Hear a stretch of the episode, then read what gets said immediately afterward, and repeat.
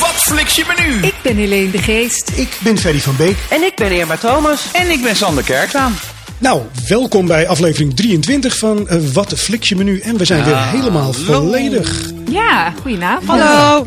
Helene, vorige, vorige aflevering bestonden we één jaar. En je was niet eens bij ons feestje. Nee, je hebt nog wel een nee. beetje in je eentje gevierd, of niet? Ik heb het eh, in mijn eentje op mijn werk gevierd. Ja, zeker. Heel uitbundig. En, en toen waren de files een beetje onsamenhangend toen dat eh, klaar Ja, dat hoorde Ja. je denk ik wel. Ja, maar goed. Het, eh, ja, nee, ik vond het hartstikke jammer om er niet eh, bij te kunnen zijn. Maar ja, goed, eh, dat eh, was even werk gaat voor overmacht. Hè. toch? En ik heb daardoor nu ontzettend veel munitie eh, voor eh, de komende aflevering. natuurlijk. Ik heb eh, een maand lang kunnen kijken. Dus eh, ik heb genoeg Nou. tips vandaag. Nou, dat Dan klinkt, ga dat ik er van tussenuit. Dat is mooi. Sander denkt van, nou, ik kan weer een leien van, van Jetje vanaf maken. Ehm, ik moet even trouwens zeggen dat we een uitnodiging hebben voor de Filmers Filmquiz op 30 maart. Oh, Alleen het ver- vervelende is dat wij op 30 maart zelf onze, onze podcast natuurlijk opnemen. Dus wij kunnen niet. Ehm, eh, maar de volgende schijnt op een andere datum te komen. Ze willen ons graag hebben. Eh, en ik heb gewoon gezegd namens ons dat we dan ook graag meedoen. Oh. En wat mij overhaalde was vooral dat er een digitale afterparty is. En ze geven aan dat dat meestal een feestje is. oh. Nou, ja, dat is, klinkt veelbelovend natuurlijk. Maar dat, wat is dat, een filmquiz? het is een filmquiz. Ja, ik heb Oh. gezegd dat ik erg slecht ben. Ja. Dus op een of andere manier Nou, maar dat- Irma niet. Ja, maar Irma, niet. Irma is onze, onze geheime wapen, denk Ja, maar voor een Ik denk quiz. het ook, want ik ben ook niet Nou. van de films. eh zo Maar dan kan ik nog een tijdje studeren, toch? Ja, exact. Nou, de vorige keer heb je ook een fles wijn gewonnen. Kom op, zeg. Zo is het. Ja. ik Heeft die- ik heeft ze bulk die van het zelfvertrouwen. Die had ik heel snel binnen. Ja, Even serieus. ja de bu- productie is zo goed van deze podcast. Dat hou je Zo. niet voor mogelijk. Mijn buurvrouw was nog wel helemaal beledigd, want eh, ik was er niet. En eh, de, de, de postbode had hem gewoon buiten neergezet, laten, op de stoep eh, neergezet. Was in ieder geval cool, Zo. toch? Terwijl zij thuis was, hij had niet eens aangebeld. Nou, maar Jongen, inderdaad. jongen. Het is eigenlijk mazzel nog dat je hem gehad hebt. Dat Ja. een of andere, andere, eh, een of andere eh, ho- eh, homeless gozer voor de, voor de deur zat en die fles wijn opgemaakt heeft. Ah, die had ik het ook gegund. Hey, we hebben een hartstikke eh, leuke gast eh, deze aflevering. We hebben eigenlijk altijd leuke gasten, maar deze aflevering was zeker een eh, leuke gast. Dat is filmcomponist Matthijs Kibo. En hij componeerde muziek voor onder andere de film De Piraten van Hiernaast, Onze Jongens, Dummy de Mummy, Dagboek van een Goalgirl, Verliefd op Ibiza, Voetbalvrouwen en de Britse serie Van der Valk. En Oh. eh, leuk dat je er bent, Matthijs. Ja, leuk dat ik er mag zijn, dankjewel. We gaan straks uitgebreid met je daarover eh, hebben. Ehm, we hebben ook nog natuurlijk reacties van luisteraars. Eh, er is weer een, zeg maar, dag met een lach. Dus, eh, bereid jullie er vast op voor, zeg maar, geestelijk. Ja, uiteraard. Weet Matthijs hier al van, van deze rubriek? Of heb je hem daar al mentaal voorbereid? Ik weet van niks, dus ik, Oh, laat, ik, laat het, eh, ik laat het allemaal gebeuren. Ja, Hij dat gaat er zou nog ik lekker zeker doen, blind ja. in. Oh, fijn. Kom, maar, kom maar op. Je wordt zwetend wakker vandaag. Nou, de vorige keer mocht, eh, mocht Sander beginnen.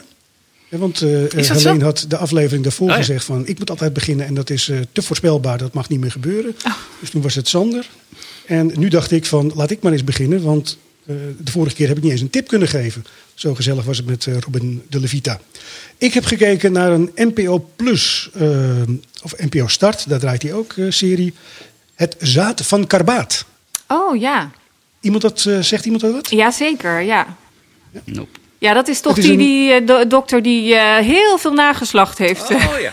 Ja, ja, ja, ja. Het is echt een ongelooflijk, ik vond het ook een aangrijpende documentaire. Het is een dokter die eh, gespecialiseerd was in kunstmatige inseminatie met donorzaad. Speelt zich af in de jaren 70. En hij opende het medisch centrum Bijdorp. En dit groeide echt uit tot het grootste spermakliniek van Nederland.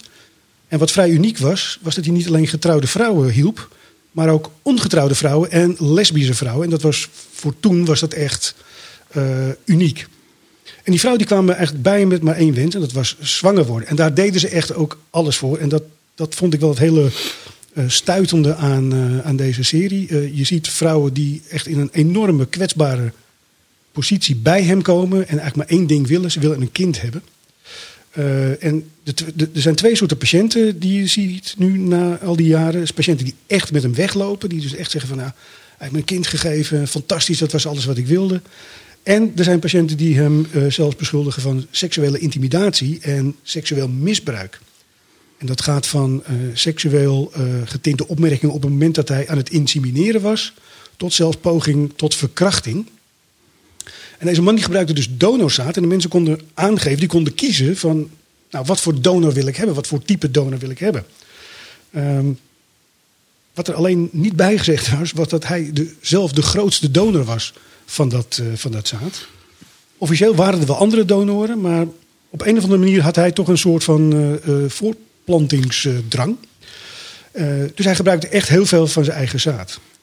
Tot nu toe staat het totaal op 90 kinderen die eh, eh, van hem zijn. Hij heeft negen uit eh, een huwelijk en relaties. En de rest is allemaal via die kunstmatige inseminaties. En, en betaalt u alimentatie? Of?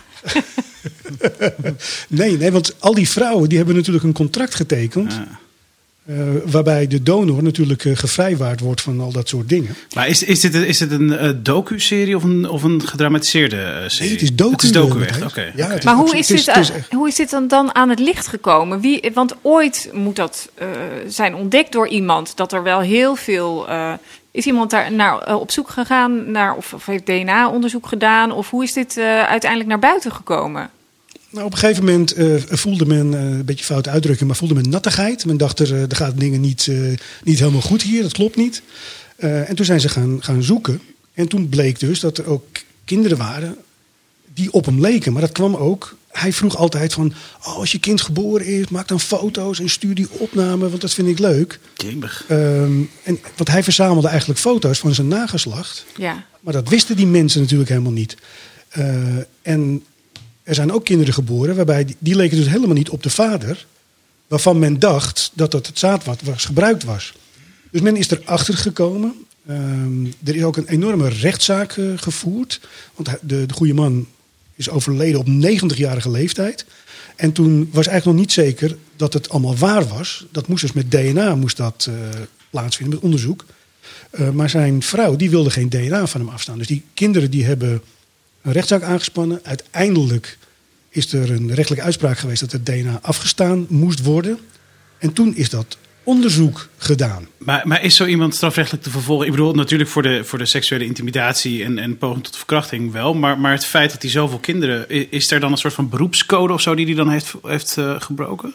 Nou ja, ik denk dat hij ongeveer elke beroepscode die er was eh, gebroken heeft. eh, meteen. Ja, nee, maar precies. Maar, maar, maar eh, zeg maar echt de hoeveelheid kinderen en het feit dat hij als, als arts daar die kinderen heeft. dat, dat is aan zich ook een, een, een, een eh, ehm, overtreding als het ware. Nou ja, hij heeft natuurlijk dingen gedaan die niet, die niet klopten. Hè. Ja. Het blijkt dat zijn administratie klopte helemaal niet.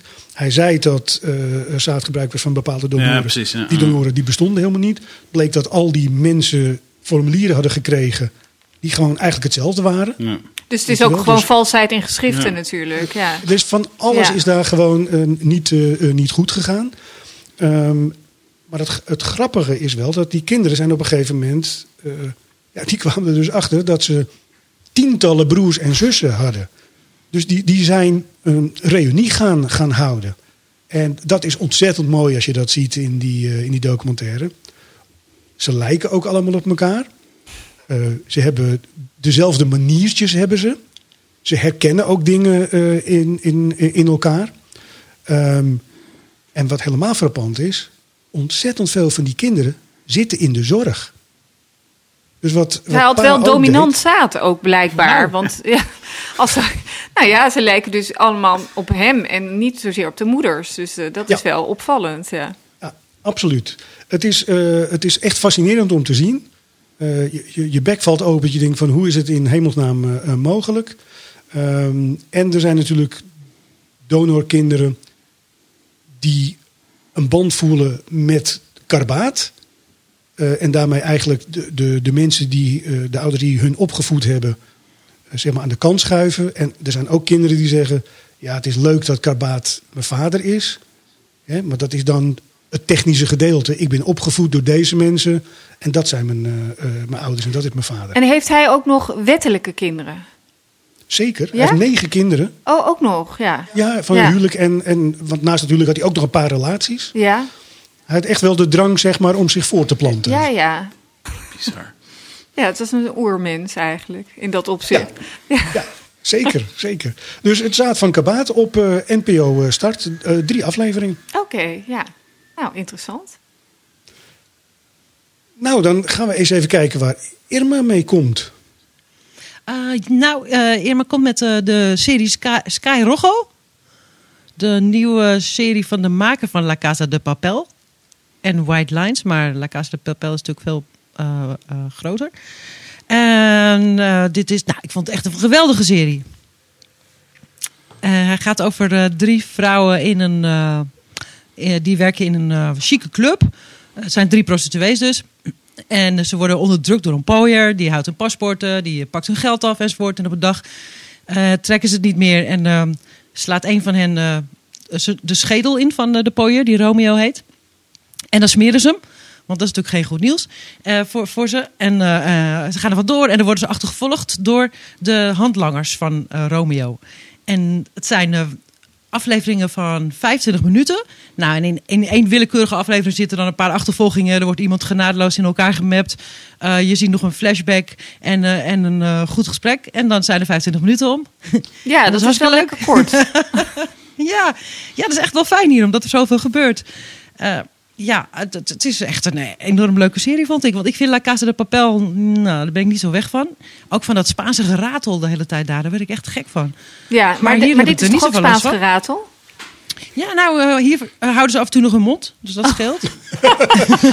Als, als er mensen aan het vermoorden zijn, houden ze hun mond. Gewoon veel vechtscènes. ja, precies. En het speelt zich af op Tenerife. Ehm, en dat ziet eruit als een hele enorme kale vlakte. Niet zoals eh, het eh, st- strandparadijs wat wij kennen.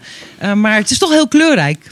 Door de, wat de dames dragen en, eh, enzovoort. Het, het, ziet er, ja, het ziet er echt heel leuk uit. Het is heel erg vergelijkbaar met Tarantino. Daar heeft hij heel goed naar gekeken. Ook qua muziek zitten hele leuke liedjes in. Het gaat van Lou Reed naar Blondie en nou ja, nog wat meer. Dat Spaanse liedjes. En het is, het is vrij expliciet. Je ziet, In welk wat, opzicht wat- is het expliciet? Seks Ja, of geweld?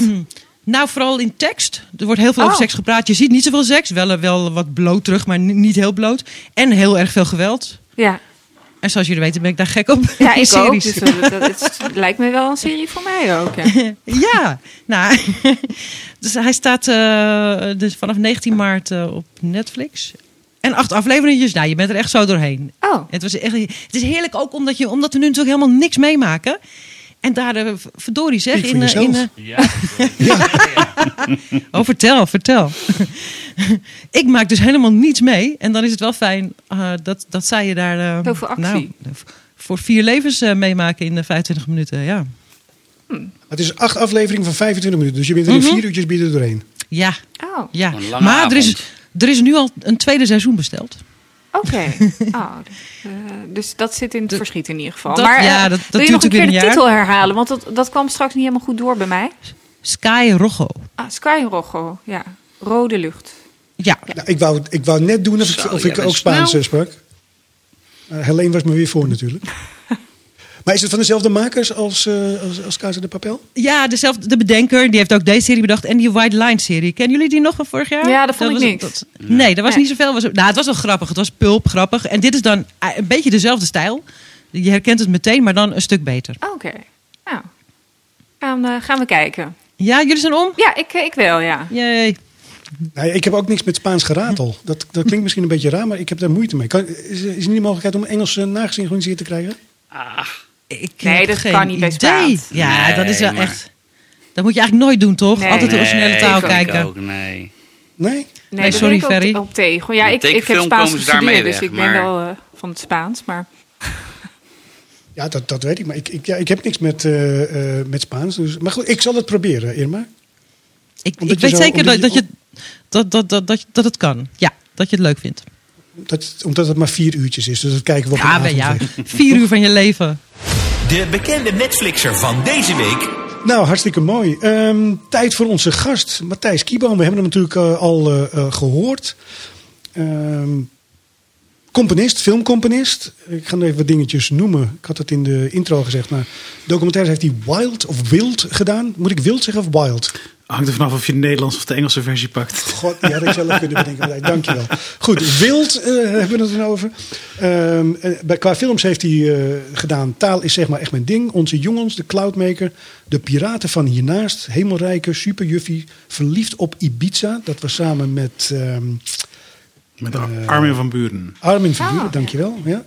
Ehm, en qua tv, Meiden van de Herengracht, Weemoed, De Van Gogh, Legacy, Remy en Juliet en Van der Valk. En dat is een Engelse serie. Dat is nog een tip geweest van Jeroen van Inkel eh, in onze podcast. Nou, En ik vond hem ook heerlijk wegkijken oh, trouwens. wat leuk. hè? Dus eh, helemaal goed. En je hebt verschillende prijzen gewonnen, waaronder een Buma Award voor de filmmuziek en de Film and Television Music Award. Eh, en je bent ook nog hoofdafdeling compositie van filmmuziek van het Conservatorium in Enschede. Dat klopt. Ja. Jongen, jongen. Ja. Nou, hartstikke mooi. Ehm, Nou, dan ja, zijn we door onze tijd heen. Lange lijst. Het is een beetje een Ivonie-introductie, hè? Juist. Dus ja, wij vinden het natuurlijk hartstikke leuk om, eh, om te weten wat je kijkt. En ook, ik, ben- ik ben erg benieuwd of je, of je een beetje op een rare manier kijkt. Dat je, dat je bijvoorbeeld een serie uitzet omdat de, omdat de muziek niet goed is. Eh, even kijken, om even met je laatste vraag te beginnen gelijk. Ik, ik, ehm, het is voor mij wel lastig om, om een film helemaal blanco te kijken of een serie. Ik merk wel dat ik eigenlijk altijd, eh, nou niet, zo, niet eens zozeer naar de muziek altijd luister, maar ik zit toch iets meer als een maker, denk ik, te analyseren. Ehm, ik, ik moest pas voor Radio 4 een aantal eh, mogelijke Oscar-winnaars bekijken. En dan, dan, dan ga je natuurlijk sowieso wel heel erg analyseren. Maar dan eigenlijk is het helemaal niet meer zo leuk dan. Als je dan echt heel erg analytisch gaat kijken. Dan kom je echt achter... eh, ik weet niet, hebben jullie The News of the World gezien allemaal? Ja. Eh, Nee, nee. Oké, nou dan zal ik niet heel veel spoilers weggeven. Maar dan, hij komt op een gegeven moment in een zandstorm terecht. En daar gebeurt dan van alles in een verhaal. En dan kan ik ook echt zaggerijnig worden. Omdat ik denk van ja, maar kom op, verhaal technisch gezien vind ik dit zo makkelijk om op de- deze manier te doen. En waarom doe je dit en dat niet? Dat ik me dan zelf als, als filmmaker beter inschat. Maar ik snap sommige keuzes dan niet. Of, of eigenlijk wel, omdat er waarschijnlijk gewoon een producent achter zit die zegt hij moet korter, dus knip dat eruit en zo. Dus, dus je bent altijd heel erg analytisch aan het, eh, aan het kijken. Maar ik heb soms ook wel inderdaad eh, eh, producties waar ik dan bijvoorbeeld de muziek ja, gewoon niet zo heel goed vind. Of, of de keuzes niet helemaal snap. En ja, dan, dat, dat beïnvloedt wel heel erg of ik een serie of een film wel of niet verder ga kijken. Dan eh, haak, kan ik best wel snel afhaken inderdaad. Maar jij Zeker. componeert eh, zelf natuurlijk eh, muziek.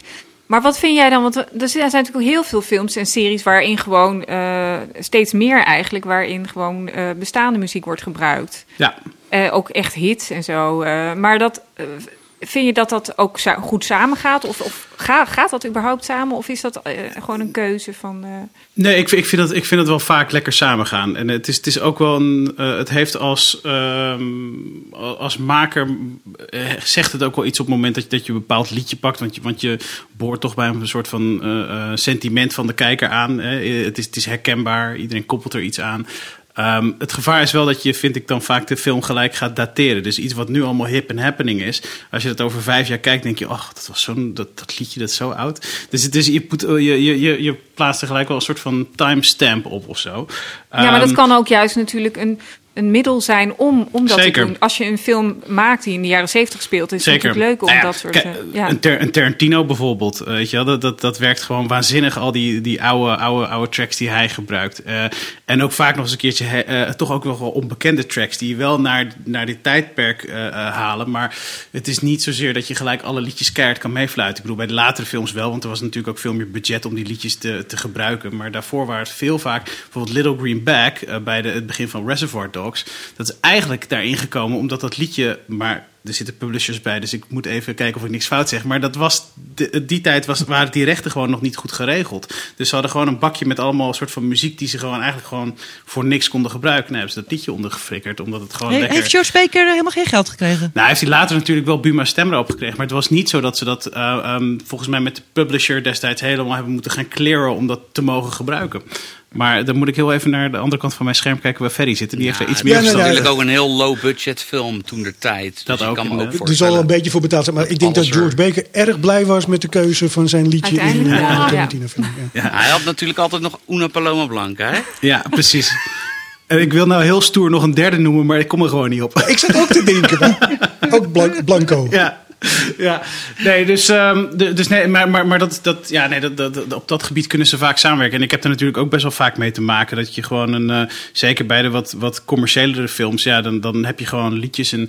ehm, ik heb er dan vaak mee te maken dat ik gewoon echt op technisch vlak van... oké, als hier een liedje begint, dan wil ik in ieder geval dat ik in dezelfde toonsoort eindigt. Of in ieder geval iets wat eraan gerelateerd is. Niet dat het in één keer heel vals van de een naar de andere overgaat. Of juist even wat lucht laten, zodat het liedje op een goede manier inkomt of zo. Maar verder is dat, is dat echt wel iets, iets wat buiten mij om allemaal wordt geregeld. En dat vind ik prima ook, want ik ben niet zo heel hip qua de moderne liedjes allemaal. Dus eh, Ja, en wat vind jij zelf het leukste dan om eh, muziek voor te maken? Eh, liever dan iets heel spannends of iets. Of is dat, eh, maakt dat jou niet zoveel uit? Ja, heel cliché, maar de, de afwisseling is het leukste. Je moet je indenken op het moment dat je, dat je een film doet. Eh, Ik heb pas een, eh, een romantische comedy gedaan. Dat, dat was een heel klein eh, ehm, eh, eh, productieperiode. Dus ik had echt drie weken om 50 minuten muziek te schrijven, op te nemen en zo. En zo. Maar dan heb je drie weken soort van, soort van pressure cooker waar je romantische comedy muziek aan het schrijven bent.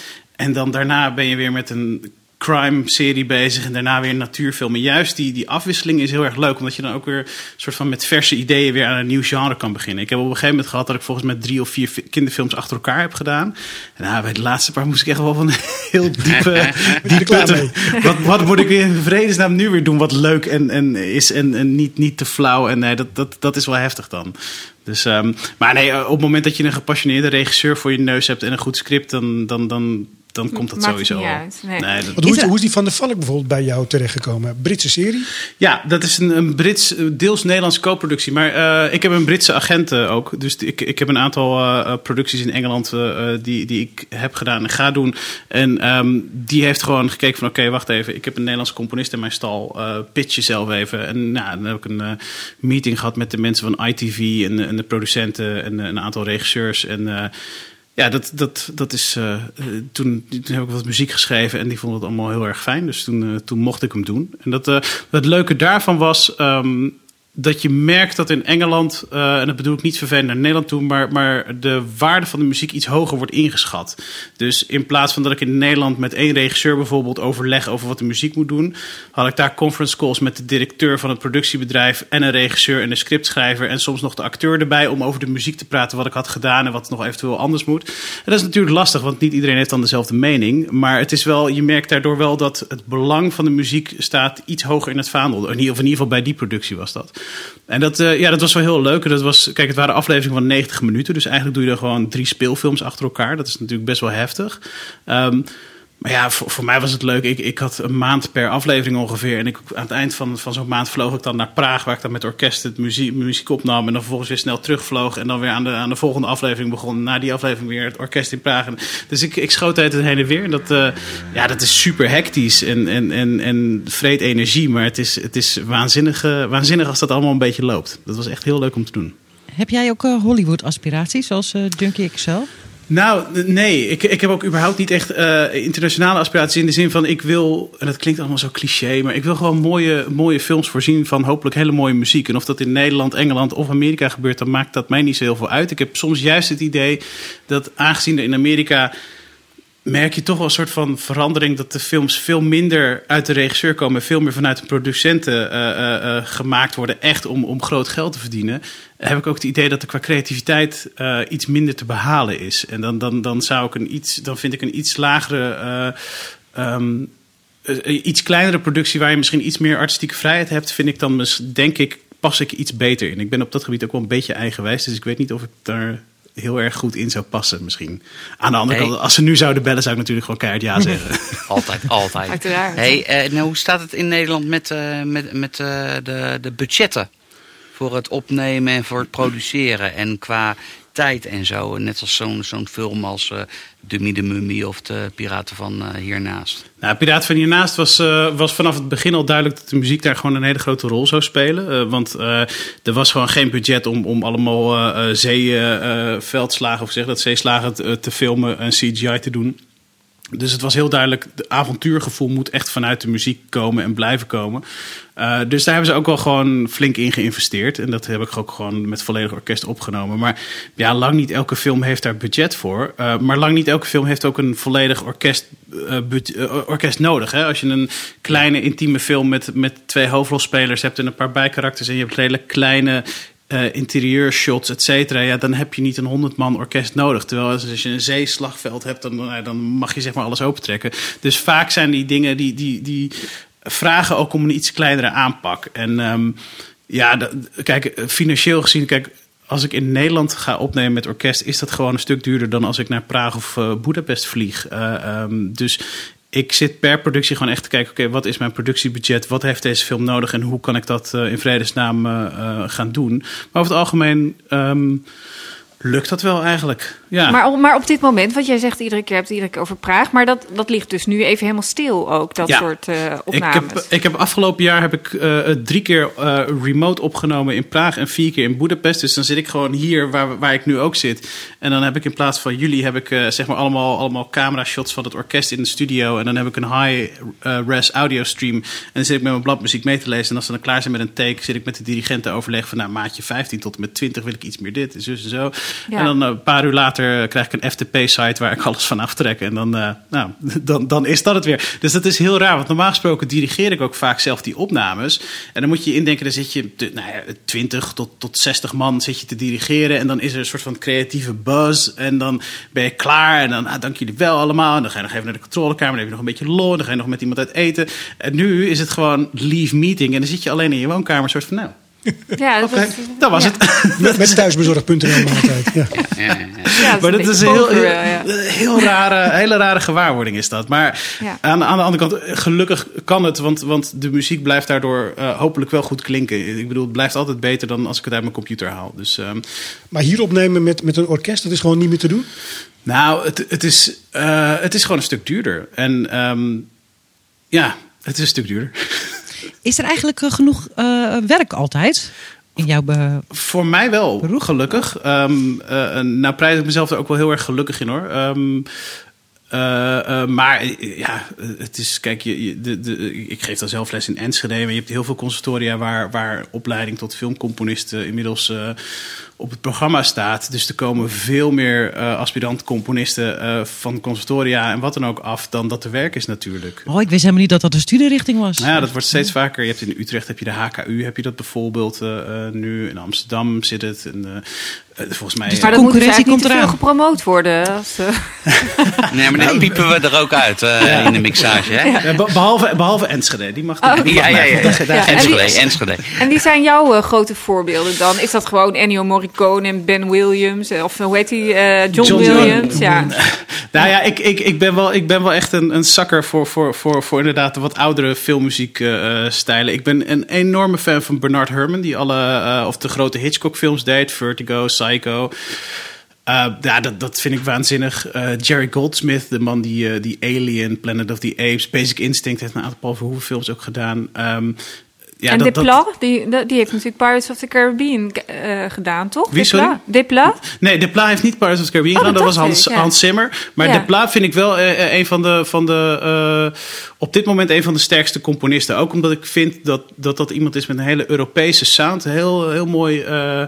Hotel, mooie- Hotel Budapest heeft hij ja, gedaan. precies. Precies. wel, ja. Die en ook The Shape of Water van Del Toro vond ik heel goed van hem. En er zit, er zit een soort van. Kijk, soms heb je. En het, nou, het lijkt wel alsof ik enorm Hollywood aan het bashen ben. Dat bedoel ik niet. Maar er zit, bij die Hollywood-films zit zo'n enorme, heftige, grote eh, soundtrack. En, en vaak bij hem hoor je dat het relatief klein is. En op de grote momenten is het ook even groot. Maar dan, daarna is het weer redelijk intiem. En dat, dat vind ik wel heel mooi aan zijn muziek, absoluut. Ja, Ik wil nog even, met een, even over een Nederlandse filmcomponist met je hebben. Dick Maas. ja. Ja, dat- ik bedoel, ik kan zijn films niet indenken met andere muziek. Nee, echt niet? Nee, nee. ik bedoel, nee, de, nee, de, is lift, ook- de lift is de lift mede door, door die synth, eh, synthesizers.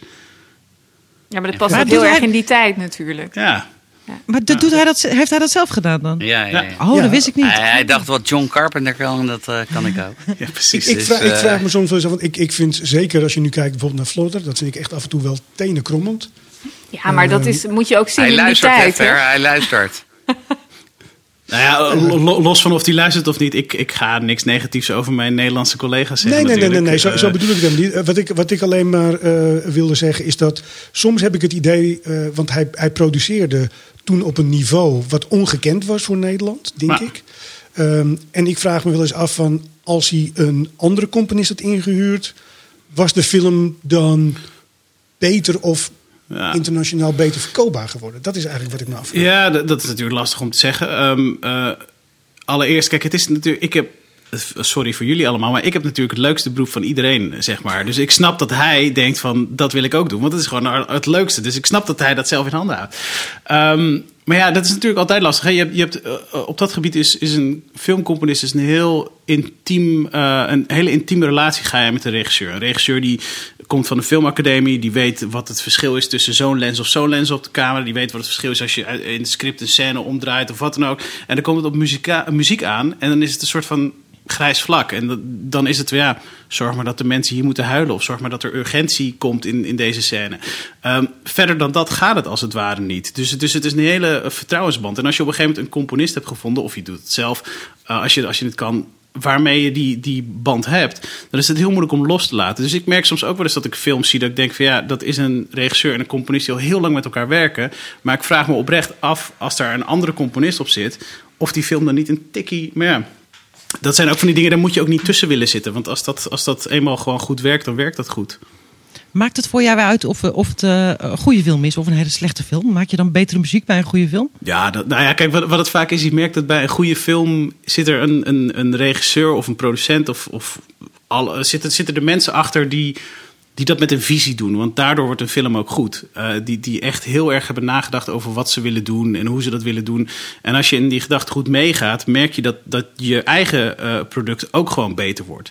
Op het moment dat ik een film krijg, dat ik denk, ja, oké. En ik word een soort van losgelaten. En ze hebben ook zoiets van, ja, doe je ding maar. Dan word je gewoon minder uitgedaagd, word je minder geprikkeld. En, en ik vrees dan ook wel dat mijn muziek daardoor minder goed wordt. Nou probeer ik wel bij elk project iets te vinden waarvan ik denk van, daar wil ik in excelleren. Daar, daar wil ik beter in zijn dan ik, dat ik tot nu toe heb kunnen laten zien of wat dan ook. Dus je gaat jezelf wel uitdagen. Maar het is wel zo dat je soms een film voor je neus hebt en, en een, ja, op een manier dat je denkt, oké. Okay, maar je zegt dan niet, nou, laat maar, doe ik niet. Maar heb ik, heb ik ook wel gedaan. Ja. ja. Nee, ik heb, ik heb wel eens een, inderdaad een aantal films dat ik dacht van, ik heb zo'n eigenlijk dit verhaal, en dat heb je dan natuurlijk zeker bij kinderfilms. Uh, uh, ik heb deze formule al twee of drie keer bij een andere film toegepast. Uh, um, ga ik dit nou echt een vierde keer doen? En dan voor mezelf, maar ook voor, voor die film. Van zijn ze niet beter af met iemand met een frisse blik daarin en, en die, die weer iets heel anders kan doen? Want ik ben heel bang als ik die film ga doen. En ik bedoel, laten we wel wijzen, het is natuurlijk ook gewoon werk. Dus het is ook geld en, en zekerheid. Als ik die film ga doen, kan ik dan echt iets extra's bijdragen en, en mezelf ook uh, uitdagen. Nou, op een gegeven moment bij een aantal dingen had ik zoiets van, nou, volgens mij niet. En dus volgens mij moeten jullie ook gewoon een andere componist zoeken. Hey, maar, en, uh, en streamingdiensten gezien, wat is een productie of film waar jij de laatste tijd muzikaal van onder de indruk was? Nou ja, uh, we hadden het over bestaande muziek. Ik, heb, ja, ik loop overigens enorm achter met dit soort dingen. Uh, ik heb pas uh, twee E.T. series gezien. Wat? ja, E.T. nou, ik heb de afgelopen week wel Planet of the Apes, de originele, weer gekeken. Dus inderdaad. Oh, wow, ja. um, die staat op Disney+. Plus. Um, nee, Sex Education en Afterlife. Twee series waar ik de, de, het muziekgebruik van, van bestaande muziek heel erg sterk vond. Vond ik echt Oh, heel erg goed gedaan. Dat is mijn mij helemaal favoriete niet serie. opgevallen. Sex Education. Sex Education, ja. Ja. Tijd dat het nieuwe seizoen komt. Ja. Ja. Ja, maar Afterlife, die muziek daaruit, kan ik me echt helemaal niet uh, Ja, herinneren. Maar staat ik, er- ja. zo, eh, je hebt bijvoorbeeld een scène dat, die, ehm, dat hij, die, hij die junkie geld geeft om die overdose. Ja? Heb, je, heb je Rocketman van Elton John keihard knallen als hij Oh, zichzelf in die ja, ja, overdose ja. zet. Je, ja, ik wil niet weten wat het kost om Elton John even te clearen voor zo'n scène. Maar het werkt gewoon. Die scène wordt woep, zo enorm opgetild. Ja, het is waanzinnig om te zien. Vond ik Ja. echt heel mooi. Maar ja, maar is het niet ook misschien goed om, om niet door, al te veel door de muziek afgeleid eh, te raken? Zeker. Ja, ja, als de muziek, als de, muziek gaat, eh, de aandacht gaat trekken. Kijk, ik bedoel, op sommige momenten kan dat natuurlijk. Hè, en dan is het ook wel gewenst. Maar over het algemeen, als de muziek de aandacht trekt, dan betekent dat dat de muziek of te hard staat, of veel te veel doet, of veel te veel aan het sturen is. Hè? Want dat is natuurlijk zo. Muziek is vaak eh, het laatste redmiddel. Dus als een scène niet helemaal lekker werkt, dan krijg je vaak als componist te horen. Ja, kan je iets meer die emotie uittrekken? Die acteur of die actrice, die mm, het zat er niet helemaal in. Kan je er net iets meer eruit halen? Ja, dan zit je een soort van enorm iets wat. wat wat oké werkt, proberen te, te, te compenseren om het nog heftiger eh, eh, over te laten komen. En ja, dan gaat de muziek soms, moet je uitkijken dat de muziek niet gaat opvallen. Want dan krijg je als kijker ook door van volgens mij proberen ze nu een soort van traan ergens vandaan te ja. trekken. Maar dat gaat hem niet worden nu. Eh, Dus dat, is, dat kan wel heel Maar het, is, irritant zijn. het is heel veel bij die reality-series natuurlijk zo. Dat die muziek alleen maar ingezet wordt om je, je eigen emotie bijna helemaal plat te trappen. Van jij moet nu denken dat het spannend is. Ja, je gaat dicteren. Emoties dicteren. En dat is altijd heel gevaarlijk. En dat is natuurlijk ook een beetje, dat heb je bij films en series ook een beetje. Dat, dat, en da, daar, vind ik, ehm, daar vind ik wel wat van, zeg maar. In de zin van, als een serie of een film mij de emotie de hele tijd gaat vertellen. Van oké, nu wordt het spannend, let op. En het wordt spannend. En oh, nu moet je gaan huilen, kijk maar. Terwijl het is zo fijn als, als je de muziek je even ruimte geeft om je eigen emotie te, te voelen. Van oh, wat er nu gebeurt vind ik eigenlijk helemaal niet zo fijn. En vervolgens bevestigt de muziek je daarin. Dus, dus ze zijn niet aan het dicteren. Je, je, daar, als je gaat dicteren met emoties, vind ik ook dat je de kijker soort van onderschat. Je maakt hem dom. Van nee, ik vertel je wel wat je moet voelen. Terwijl het is juist zo fijn als je zelf kan reageren op een film en daar dan vervolgens muzikaal in wordt bevestigd. Of soms juist soort van wordt verrast van nee, nee, nee, jij dacht dat het spannend is, maar luister maar, dit en dit en dit gaat gebeuren. Nou, dat is, ja, dat is heel tof om, om juist die, even die ruimte te laten. Ja, of helemaal geen muziek natuurlijk. Dat is ook lef. Ja, zeker. Ik zat Ja. pas, eh, wat was het nou? Eh, Dallas Buyers Club met Matthew McConaughey te kijken. ja. Dat ik ook op een gegeven moment realiseerde van... ik zit al 40 minuten naar iets te kijken waar helemaal geen muziek... Ja, je hoort soms een radiootje aanstaan, maar wat een verademing was dat. Moet ik niet te hard zeggen natuurlijk, want dan heb ik geen werk meer straks. Maar dat was heel fijn. Nee, maar ik denk dat je het met mate moet gebruiken. Ik zat gisteren te genieten van Kamp Waas. Ik weet niet of jullie dat eh, al gezien hebben. Ja, stukjes, Zo'n ja. zo'n bootcamp is dat waarbij mensen bij de Special Forces in België trainen. Nou, als, het, als een Amerikaanse productie was geweest, zou het heel erg overdreven muziek zijn. Eh, ontzettend in je face. Hier niet. Ja, en ik heb er ontzettend van, eh, van genoten. Ja, ik, dat, valt, dat valt mij trouwens ook op bij op Discovery Plus. Die documentaires, die Amerikaanse documentaires. Die muziek is echt zo schreeuwerig. Dat, Ja. dat is echt gewoon niet om aan te horen. Dat zijn Nou, allemaal van die.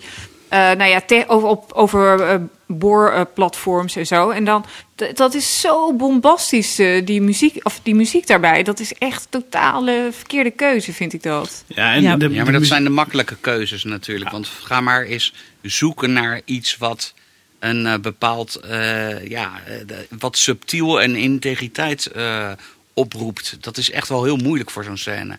Dus dit is gewoon lekker snel. We zetten er. Ja, maar dan gaat het dus over een heel onder. serieus onderwerp. Moet je daar dan zo'n spektakel onder zetten, denk ik dan. Ja. Ja, Ja, op, dat- Investi- dat- ja, op Investigation Discovery is het zo'n drama. Vooral de laatste tijd. is gewoon Ja. niet meer naar te kijken. Want er gaat alleen maar... Ja. Ding, ping. Of zomaar. Helemaal uit het niets komen er allerlei geluiden.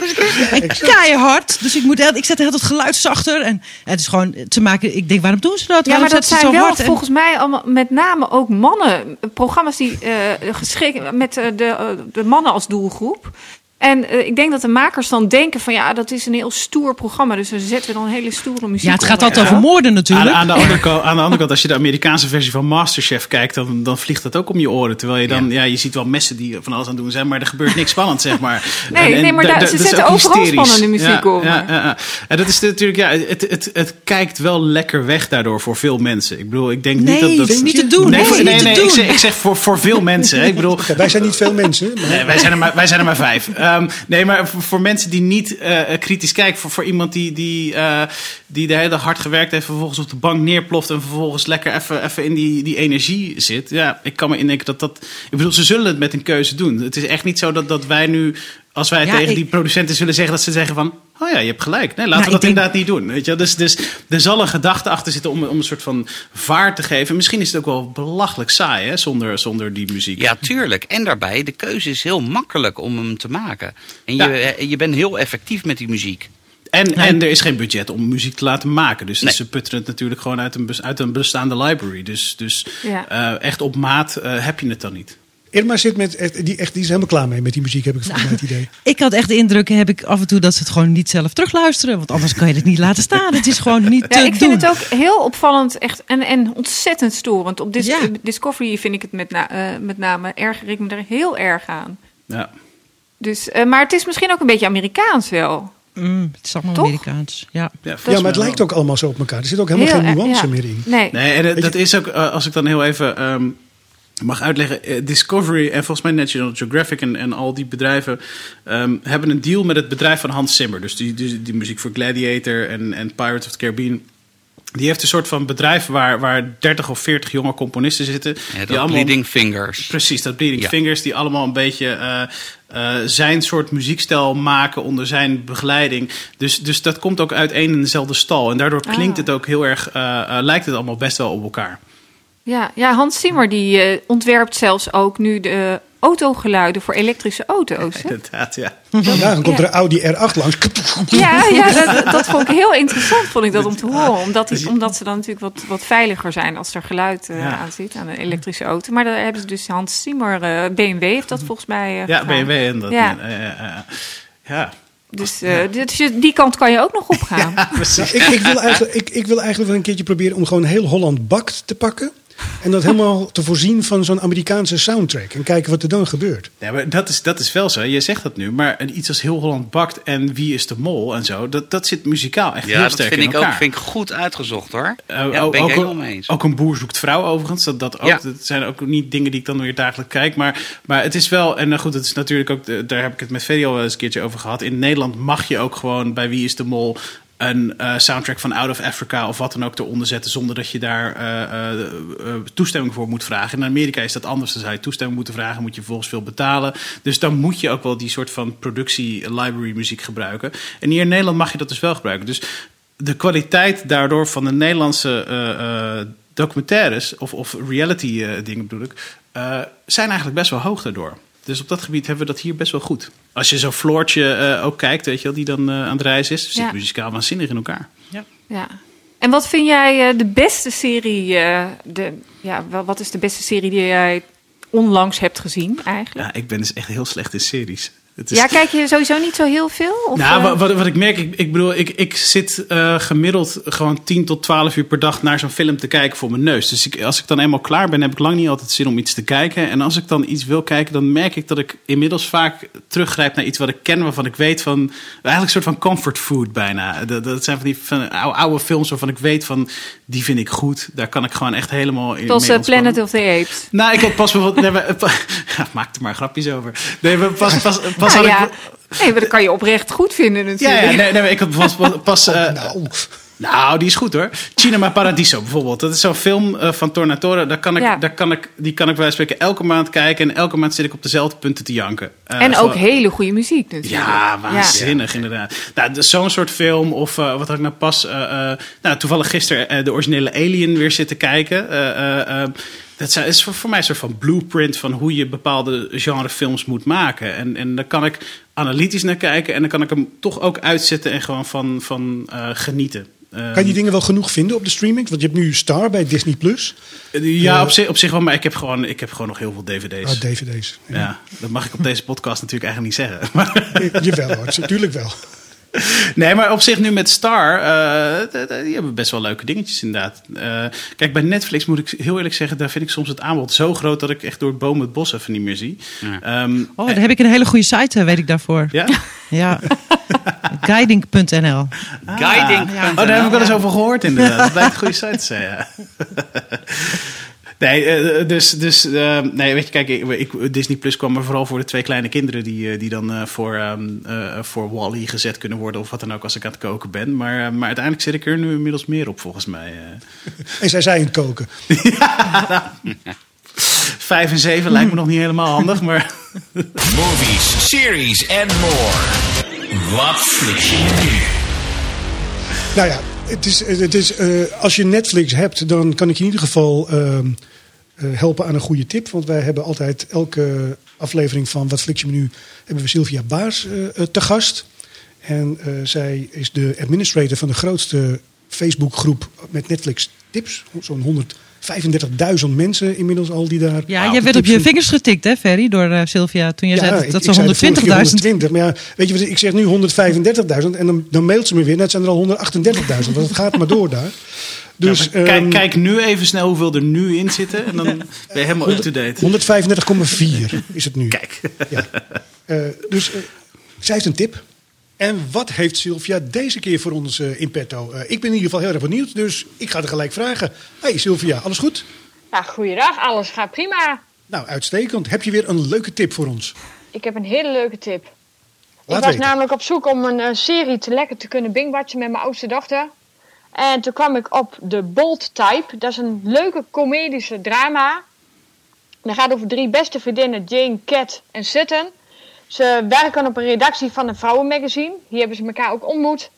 Eh, we kijken mee in alle drie levens, zowel werk als privé. En dat loopt natuurlijk ook wel door elkaar, werk en privé. En er levert hilarische momenten op, maar ook de alledaagse problemen. Dit is gewoon echt een heerlijke serie om even gewoon lekker weg te kijken. Er staan vier seizoenen nou online. En een laatste, vijfde seizoen wordt binnenkort opgenomen. Dus dat komt er ook nog aan. Vier seizoenen van hoeveel afleveringen elk? Eh, om en erbij de 13 afleveringen, als ik het goed uit mijn hoofd heb. Dus dat is een lekker weekendje, binge, watchen met, eh, met je kinderen. Ja, heerlijk. Gewoon lekker even. Je kunt gewoon lekker wegkijken. Je hoeft niet een week te wachten op een nieuwe aflevering. Of het is maar één seizoen van 10 afleveringen dat zo wegkijkt. Hier heb je echt gewoon even lekker wat aan. De Balltype en dat is op Netflix uiteraard. Ja, uiteraard op Netflix, tuurlijk. Hartstikke goed.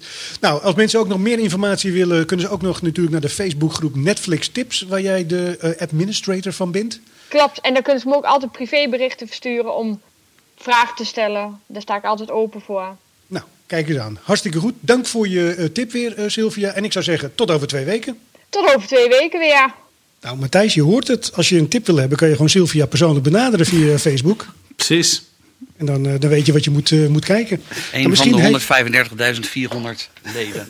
402, En één dan. 402 inmiddels. Hè? Pas Oh, op. de 402 dus ook. ja. Je bent lid geworden net.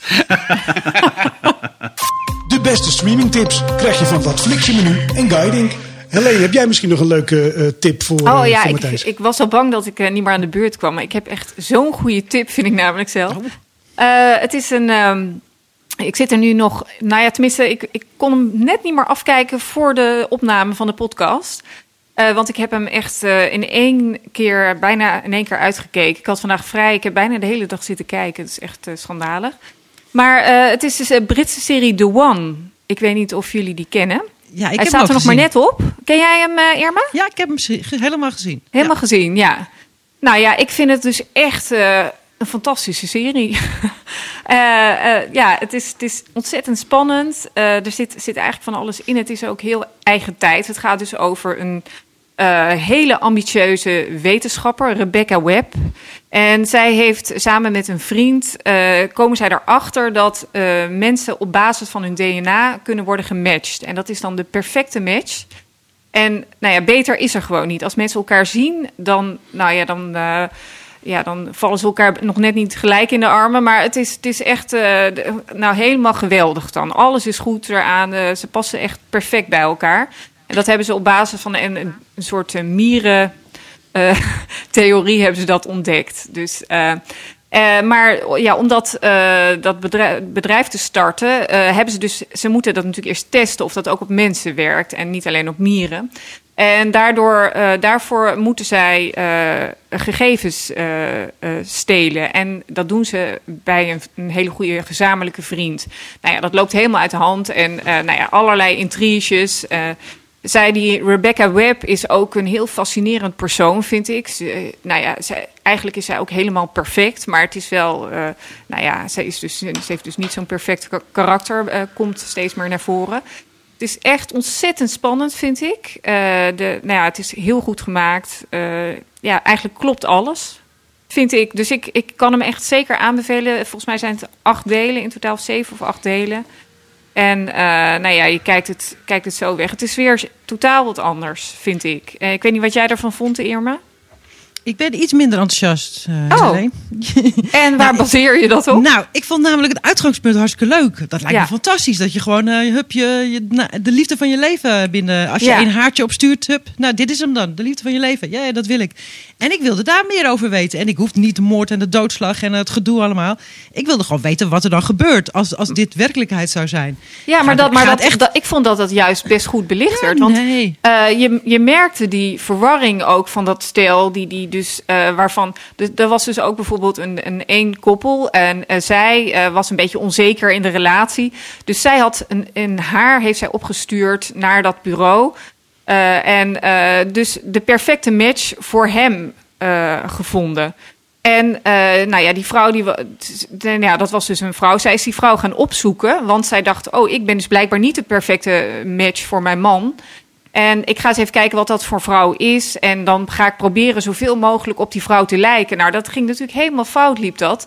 En dat, dat legde echt een bom onder haar relatie. En dat werd steeds gecompliceerder. Dus je, ja, er, er ontstonden eigenlijk allemaal hele verwarrende relaties door die perfecte match. Want het bleek dus eigenlijk dat zo'n perfecte match toch niet helemaal zo perfect is uiteindelijk. Dus je kan dat wel op basis van DNA kan je dat wel eh, proberen, maar dat uiteindelijk ja, kan dat dus tot heel veel verwarring leiden. Ook dat, nou ja, ik zal niet te veel weggeven, maar ook er was ook nog een, eh, een, een politievrouw die, eh, die de, de zaak helemaal eh, onderzoekt. En zij wordt ook gematcht met iemand. Maar daar, daar zit ook een beetje een apart. want nou ja, DNA is natuurlijk ook in, binnen families. heb je natuurlijk ook hetzelfde DNA. Dus daar kom, dat komt er natuurlijk ook weer bij. Dat je dus ook met, aan meerdere mensen kunt worden gematcht. Eh, dus ja, er zitten toch wel veel eh, ja, aspecten aan, vind ik, die je laten nadenken over die perfecte match. Of dat wel zo perfect is. Dus ik, ik vond het juist heel goed gedaan wel. Dat je die verwarring ook ziet in de serie. En waar eh, is die te zien? Op Netflix? Netflix, ja, hij staat er nog niet zo lang op. Oké, The One heet die. The One, ja. Ja, het is heel toevallig trouwens dat op Amazon Prime is ook een serie precies over ditzelfde fenomeen. Die heet Soulmates. Oh, Dus ik weet niet hoe dat kan. Dat dan twee, de twee exact dezelfde ideeën blijkbaar ontstaan. Die series zijn ook op hetzelfde moment ongeveer klaar. En, nou ja, dat, hè? waarschijnlijk precies op hetzelfde moment. Dus dan hebben ze het toch niet van elkaar geweten. nee, maar zou dit een keer echt eh, kunnen? Denken jullie? Hoezo? Ben je, ben je op zoek? Ja? Nou ja, maar dat is dus ook in die serie. Dat, dat is ook wel grappig. Dat, eh, dat mensen die dus ook al een relatie hebben. Ja, je wordt natuurlijk ontzettend nieuwsgierig van Ja. wie, eh, wie, past er helemaal, wie eh, past er perfect bij mij. Zelfs al heb je al een relatie.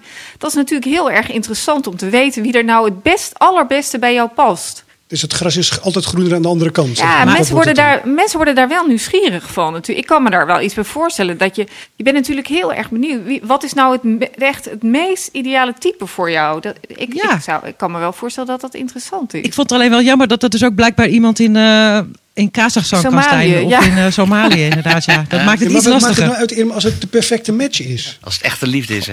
Hè, Blijf je dan liever in Amsterdam zitten en ongelukkig? Ik denk het wel. Ja, niet Kazachstan. Ik wil nog even snel naar Sander toe eh, voor, een, eh, voor een tip. Eh, nou, ik, ehm, naar aanleiding van eh, onze vorige gast, eh, Robin de Levita, ben ik aan Fargo begonnen. Die vind ik erg leuk. En eh, de serie dus op Netflix. Dus dat is echt wel een, eh, dus een korte tip van mij. Ehm, dus een aanrader. Eh, alleen ik heb deze afgelopen week de documentaire van eh, Biggie Smalls gekeken op Netflix. Notorious B.I.G. Ik weet niet of iemand hem al gezien heeft. Nee, nog niet. Nog niemand. Ja, het is een Altijd zo, hè, beetje. met jouw tips. Ja, dat blijkt maar. Masters of the Universe. Castle Grayskull. Nee, ehm, de, de, ehm, de docu heet eh, Biggie, I've Got a Story to Tell. En het is, moet ik, ik ben wel echt een kind uit de jaren negentig. Maar het is eigenlijk, eigenlijk allemaal behoorlijk langs mij heen gegaan. Eh, ik wist wel dat er iets was met eh, East Coast, West Coast en, eh, en dergelijke. Maar ja, hij is natuurlijk uiteindelijk is hij ook neergeknald in een, in een drive-by shooting. Die, die man was maar 24 jaar. Dat wist ik ook helemaal niet. Ik dacht dat hij echt wel wat, wat ouder was. En hij wordt toch wel heel erg gezien als een, ja, een geniaal rapper. En eh, ja, echt wel een van de grotere MC's eh, uit, eh, uit de laatste decennia. En dan moet ik zeggen dat het niet echt mijn muziek is. Dus het is altijd, ik, vind- ik, vind, ik vind dat toch moeilijk te, te beoordelen. Ik, medemuzikant Matthijs, ik weet niet of jij daar een een mening over hebt. Over het, de kwaliteit van het MC'en van die gasten. Nee, ik, meer, meer dan dat het heel natuurlijk en lekker float, zoals ze dat Ja. zeggen. Ehm, Beetje dik muis. Hè, hè, hè. Boekedoem, pss, Is dat een malde voor deze week? Nee, nee, nee. eh, eh, nee ik, het, het, het klinkt lekker, maar ik, ik heb er te weinig eh, verstand van om te zeggen waarom Ja. eh, en, hoe- en hoezo en zo allemaal. Nou, ja, wat- wat, wel echt interessant is aan die docu is hoe hoe, eh, je- je- ze, ze volgen hem echt. En er is geloof ik ook op eh, Prime of Netflix nog een, volgens een, een- nog een documentaire over Tupac. En over eh, ook de, de, de, onder, de, de onderzoeken naar zijn, zijn dood natuurlijk. Want uiteindelijk is Tupac Shakur van, eh, van eh, de West Coast is, ook neergeschoten. En daar werd B.I.G. wel heel snel bij betrokken en beticht van jij hebt ermee te maken. Terwijl dat nooit is bewezen. En, eh, nou, en uiteindelijk is hij twee jaar later ook, of een jaar later zelf ook, in een drive-by neerge. En- Maar is er neergeknald. zoveel over hem te vertellen als hij pas 24 is? Ik verbaas me er altijd een beetje over ja, die want hij was documentaire. best wel, hij was 19 of 18 toen, eh, toen was hij in zijn, eh, zijn omgeving wel al echt bekend. Maar hij was echt zo'n, eh, hij stond echt op de hoeken van de straat, stond hij te crack te dealen. En, eh, en iedereen praat daar gewoon eh, ronduit over. En dat er gewoon vrienden en, en, en, en, eh, en mensen waarmee hij mee samenwerkte, die werden vermoord. En eh, het was wel echt een gozer van de straat. En een hustler en een dealer en een... eh, en uiteindelijk toen had, ehm had Paf, Sean Combs, Puff Daddy, had een demo gekregen van hem. En die heeft zijn tanden erin gezet om hem te tekenen voor Bad Boy Records. En toen uiteindelijk wilde hij ook nog echt naar... zag hij de muziek zag hij niet gebeuren. En eh, toen wilde hij toch eh, verder gaan met dealen. En uiteindelijk kreeg hij toch die doorbraak. Toen had Puff Daddy ook gezegd van... Joh, je moet ervoor gaan en je moet alles opzij zetten en bladibla. En ehm, ja, dat is wel indrukwekkend hoor, hoe dat is gegaan. En eigenlijk wat ik eigenlijk ook een beetje had gehoopt... is dat ze het traject daarna, dus de, de, de feud met eh, West Coast, East, Coast... dat ze dat zouden gaan uitdiepen. En, maar misschien is dat die andere, andere documentaire. Dus die ga ik ook nog even, even kijken de komende weken. Die moet je En, zeker eh, kijken over Toepak. Die heb ik eh, gezien. Was Heb je die gezien, ja? Maar die, die, die gaat wel meer over die moord, toch? Eh, ja, dat, dat gaat wat dieper. Maar wat, wat mij opviel is dat ik eigenlijk helemaal niks, niks had met die scene. En dat, Ja. ik, dat ik nu gekeken had, dacht ik van, dat was eigenlijk een aardige jongen. nou, hij heeft ook vastgezeten voor uh, gewapende overval. zeker, en, maar, dat er zijn ook aardige dan jongens. Het, ja. dan het ruige imago. maar, Ja, ja, ja, ja. Nou, wat ik, wel, wat ik wel echt cool vond, eh, was eh, de, de, de, de, de, deze docu ging echt over zijn leven, over zijn moeder, hoe die is opgevoed en eh, de- ja, hoe, hoe hij zo is geworden, hoe die is geworden als het ware. En eh, ja, ik vond, ik vond het wel indrukwekkend. Eh, het is niet mijn muziek, maar als je, als je hem te gek vindt en het genre, dan weet ik zeker dat je, de, ja, dan is het een eh, must zien. Dus eh, dat was mijn tip. Hartstikke goed, dankjewel eh, Sander. We zijn weer bijna aan het einde van deze eh, aflevering. Ah, ik wilde Ehm, vragen of Sander nog even een liedje van Biggie kon doen. Maar dat zit er niet meer in qua tijd, zeker. Nee hoor. dat, nee, dat, Goh, dat is de afterparty van na de filmquiz. Dan gaan we gaat Sander dat doen. Ehm, ja, het wordt tijd eh, om, om af te ronden. Ehm, zal, zal ik dan maar afsluiten met eh, zeg maar dag met een lach? Nou, Nou, moet dat? doen, hè? Ja, nou, we kunnen ook gewoon meteen dag Nou, zeggen. kom maar door, Sander. kom maar door, kom maar door. Oké, nou ja, eh, eigenlijk is het niet zo'n vrolijke dag, eh, zeg maar dag met een lach. Want ik ben bij de huisarts geweest en eh, wat bleek, ik, eh, ik, ik leid aan het binge stress mix-up syndroom, oftewel het BSMUS. Eh, dan heb je te veel series en films eh, gekeken en dan haal je allerlei plots door elkaar en titels en hoofdrolspelers. En Kees, mijn huisarts, die had wat testjes gedaan en de diagnose was snel gesteld. Dus ik wil nu eigenlijk ook even kijken of mijn medestreammusketeers en ook over eh, Matthijs, of daar ook eh, eh, last van heeft. Dus ik, ik roep wat dingen en dan moet je met een titel komen. Dus ik, ik noem een combinatie en dan moeten jullie met een titel komen die ook een combinatie van een titel is. Dus een romcom over superhelden. A Fish Called WandaVision. Snap je hem? Ja? Oké. Oh, goed. wat van ons. Ja, nee, goed. Oké. Een tovenaarsleerling die een lesje krijgt in het faken van een orgasme. When Harry Potter met Sally. Drie vrienden die op een door kook gevoerde westerntocht door New York gaan. Bright Lights, Big City Slickers. Een detectief uit San Francisco die zijn verdachte onder schot houdt terwijl hij zegt: Fake my orgasm. When Dirty Harry met Sally. Een James Bond film met Hugh Grant in de hoofdrol. Niemand? From Russia with Love, actually. jongen, jongen. Te flauw. Ja, en ehm, een spaghetti western met een Afrikaanse koning die naar New York, naar New York komt. Once upon a time coming to America. Ja! Hartstikke goed. Nou, dat was hem. Eh, we hebben niet eens tijd voor de post. Dat gaan we de volgende keer behandelen. Ik wil Matthijs bedanken voor eh, zijn aanwezigheid. Die, die zit nu al met zijn vinger bij de knop van leave this meeting. Die denkt, waar ben ik in beland? Ik vond het erg gezellig. Dank jullie Nou, wel. hartstikke goed. Wij ook. Eh, hartelijk dank. Over twee weken hebben we weer een nieuwe aflevering. Luister nog naar Good Life Radio. Elke vrijdagavond tussen 6 en 7. Kijk naar de lijst op guiding.nl. Waar je alle tips die we gegeven hebben nog op je gemak kunt nalezen. dat was hem. Oké, later. Doei. Keep on streaming.